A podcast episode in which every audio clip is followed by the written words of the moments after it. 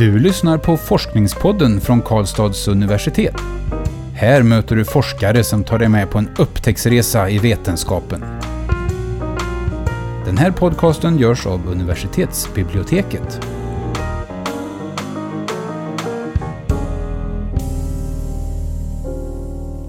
Hej och välkomna till Forskningspodden med mig, Nadja, och dagens gäst Lorena Solvang. Välkommen Lorena. Tack så mycket.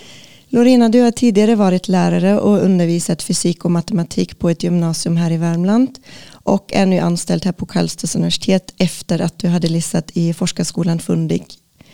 Eh, I din forskning som, eh, under din tid som eh, doktorand fokuserar du på undervisningens digitalisering och om man ska vara lite mer specifikt kollar du på hur ett open source-verktyg i matematik som heter GeoGebra kan användas i fysikundervisning och vilken påverkan detta får på elevernas lärande. Stämmer det? Det stämmer ju väl. Ja, du bra. har läst på bra Nadja. Ja, då tänkte jag bara kolla. Um, var det ditt jobb som, som lärare som triggade ditt forskningsintresse eller hur kom du till det här? Det var ju en blandning. Så självklart eh, som lärare så funderar man hela tiden på hur eleverna lär sig och man vill ju alltid att det ska bli bättre och bättre. Men det som har gjort att jag har blivit ännu mer intresserad av det, det är två saker som har hänt i mitt liv. Det första är ju att jag har flyttat från ett land till nästa land och sen till nästa land. Och då har jag upptäckt att man, eh, man har lite annorlunda syn på undervisningen och på hur man undervisar i dessa tre länder jag har jobbat i.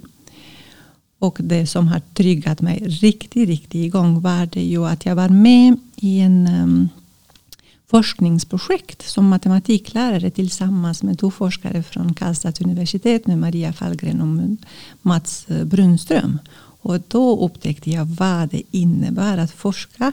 Det visste jag inte så mycket om det just på lärare och det tyckte jag var så spännande. Jag fick se deras resultat och hur de jobbade. Och det, ja, då var det kört för mig. Och då var det ja. igång. Ja. Mm. kan du berätta lite om vad det var du tittade på i din forskning? Som eh, både matematik och fysiklärare så har man ju tillgång till uh, dessa matematiska representationer. Alltså att man beskriver ju fysikaliska fenomen eller händelser med hjälp av matematiken, alltså med formler och uttryck och så vidare. Och det är ju det som är gemensamt både med matematiken och fysiken. Däremot så är fysiken lite mer upptagen på att man ska tolka dessa uh, variabler och dessa faktorer så att det stämmer med det fysikaliska fenomenet in real life som man ser, det, det riktiga som man tittar på. Så det finns ju en bra koppling mellan matematik och fysik som hjälpte ju mig också som mattelärare och fysiklärare samtidigt.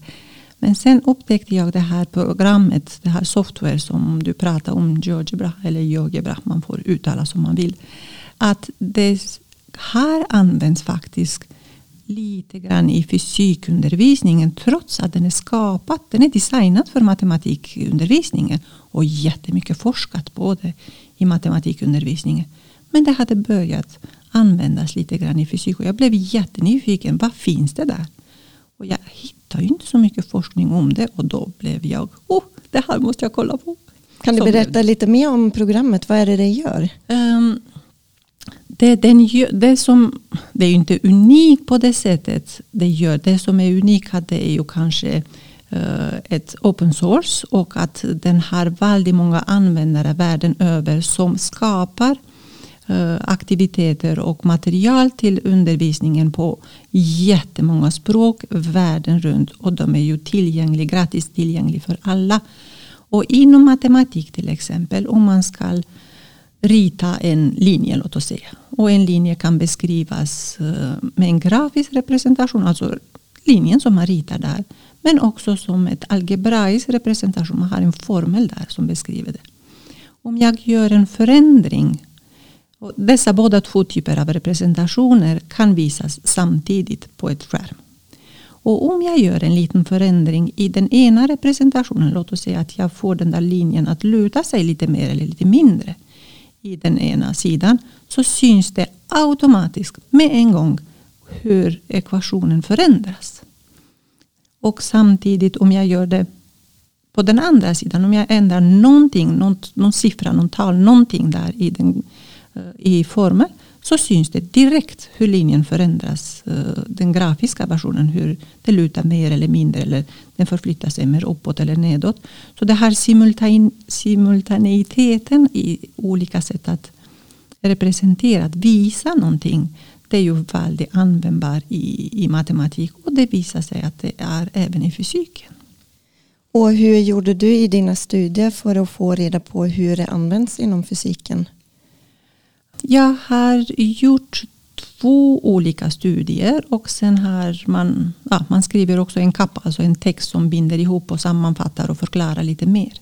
Och I den ena studien så har jag tittat på hur um, elever har använt en färdig eh, aktivitet som är skapad av någon, någon annan.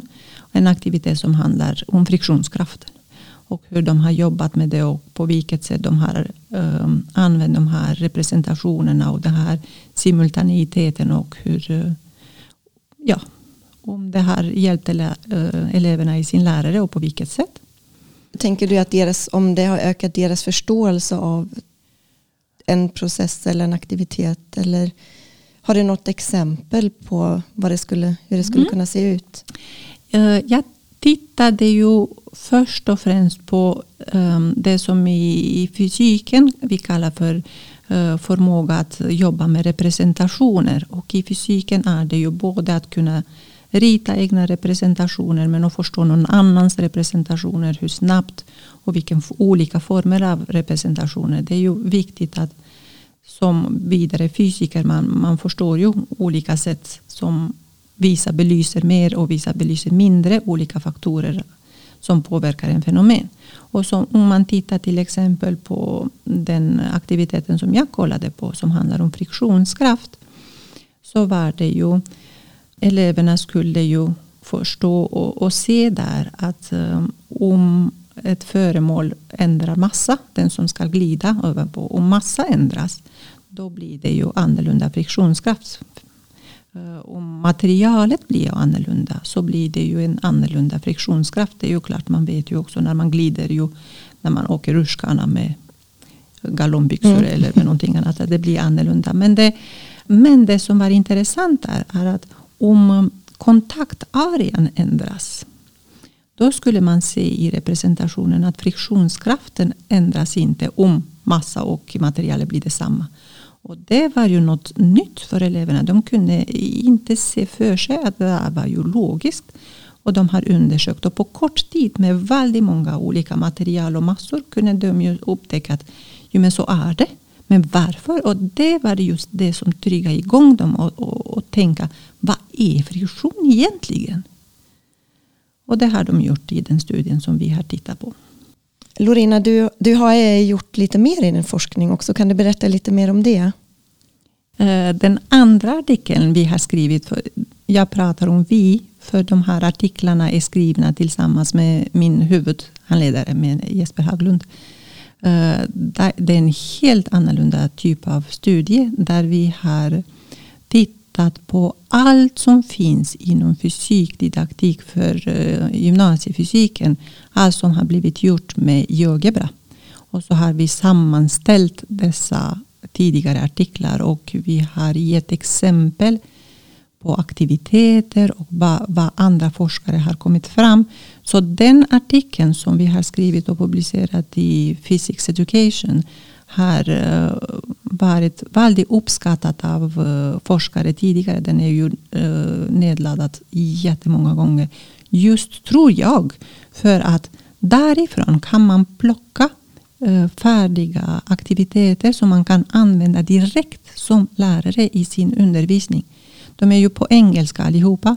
Men eh, det är ju inte svårare än att översätta några meningar här och där och eh, använda det precis som det är. För det är ju eh, artiklar som har blivit publicerade tidigare som är peer-reviewade som visar ju på vilket sätt och vilka, vad man kan förvänta sig utav att använda just den där aktiviteten.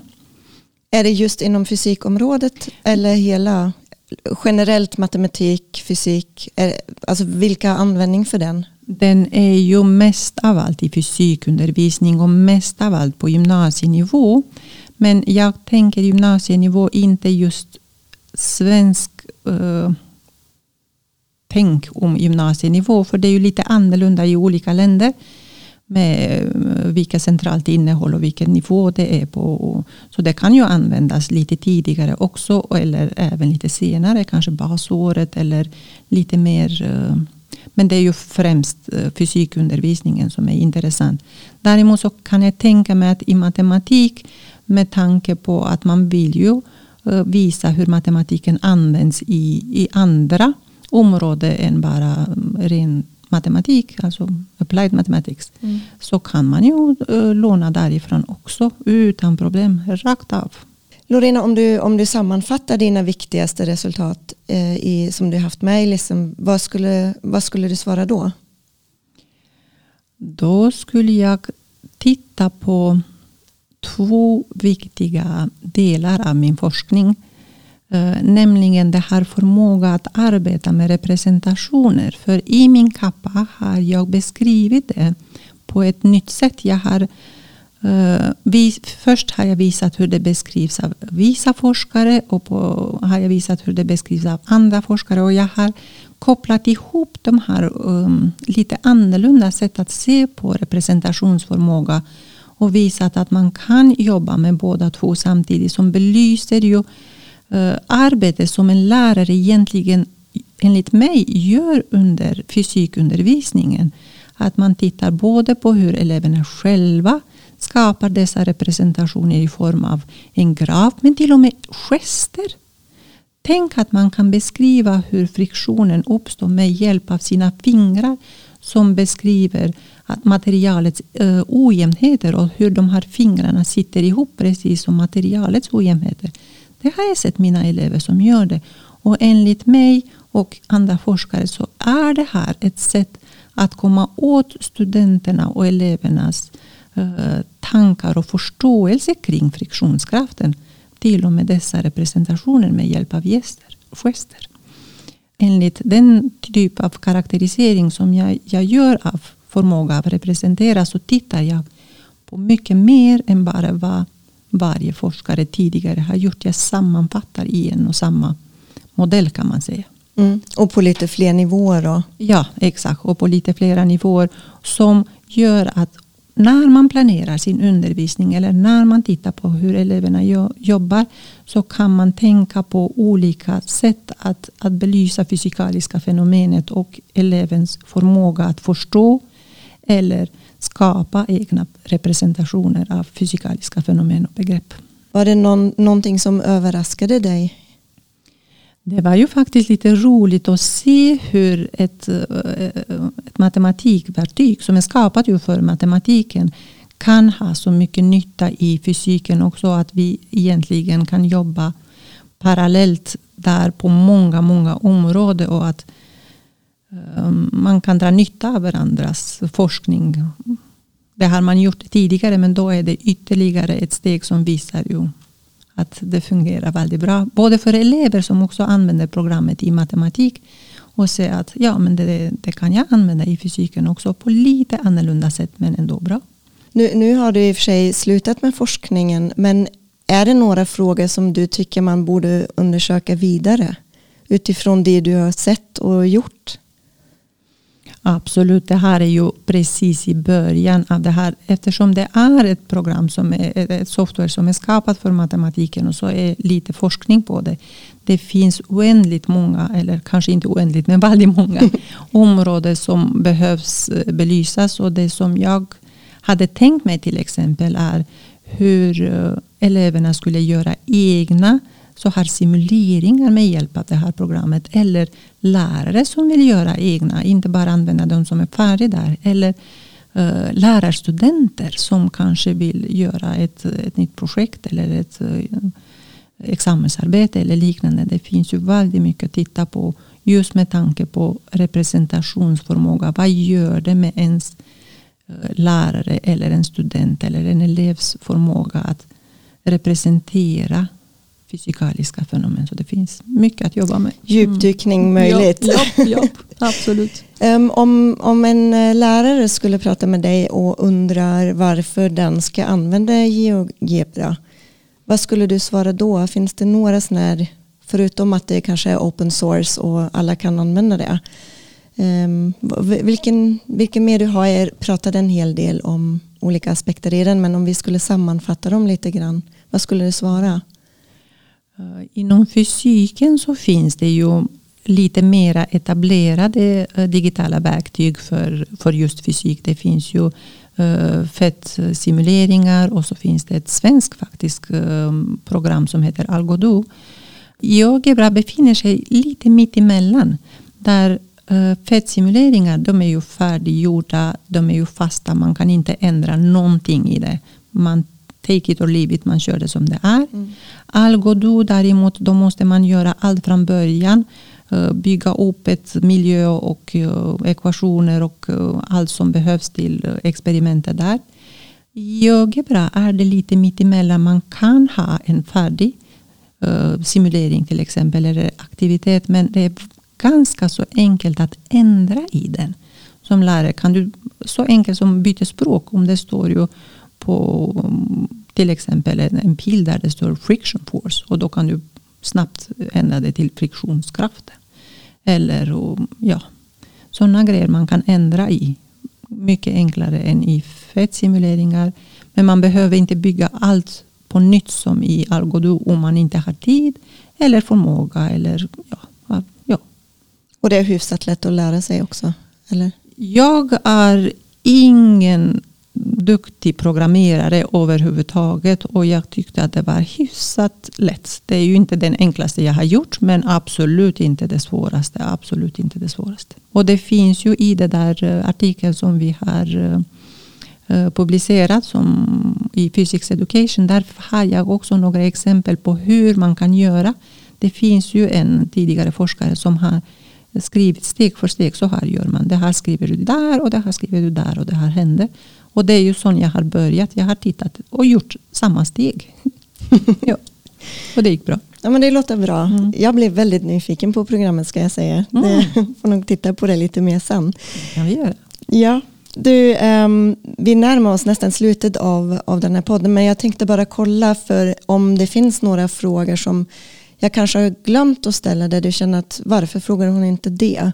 Finns det någon sån? Jag, jag, skulle kunna prata om det här i timmar och dagar.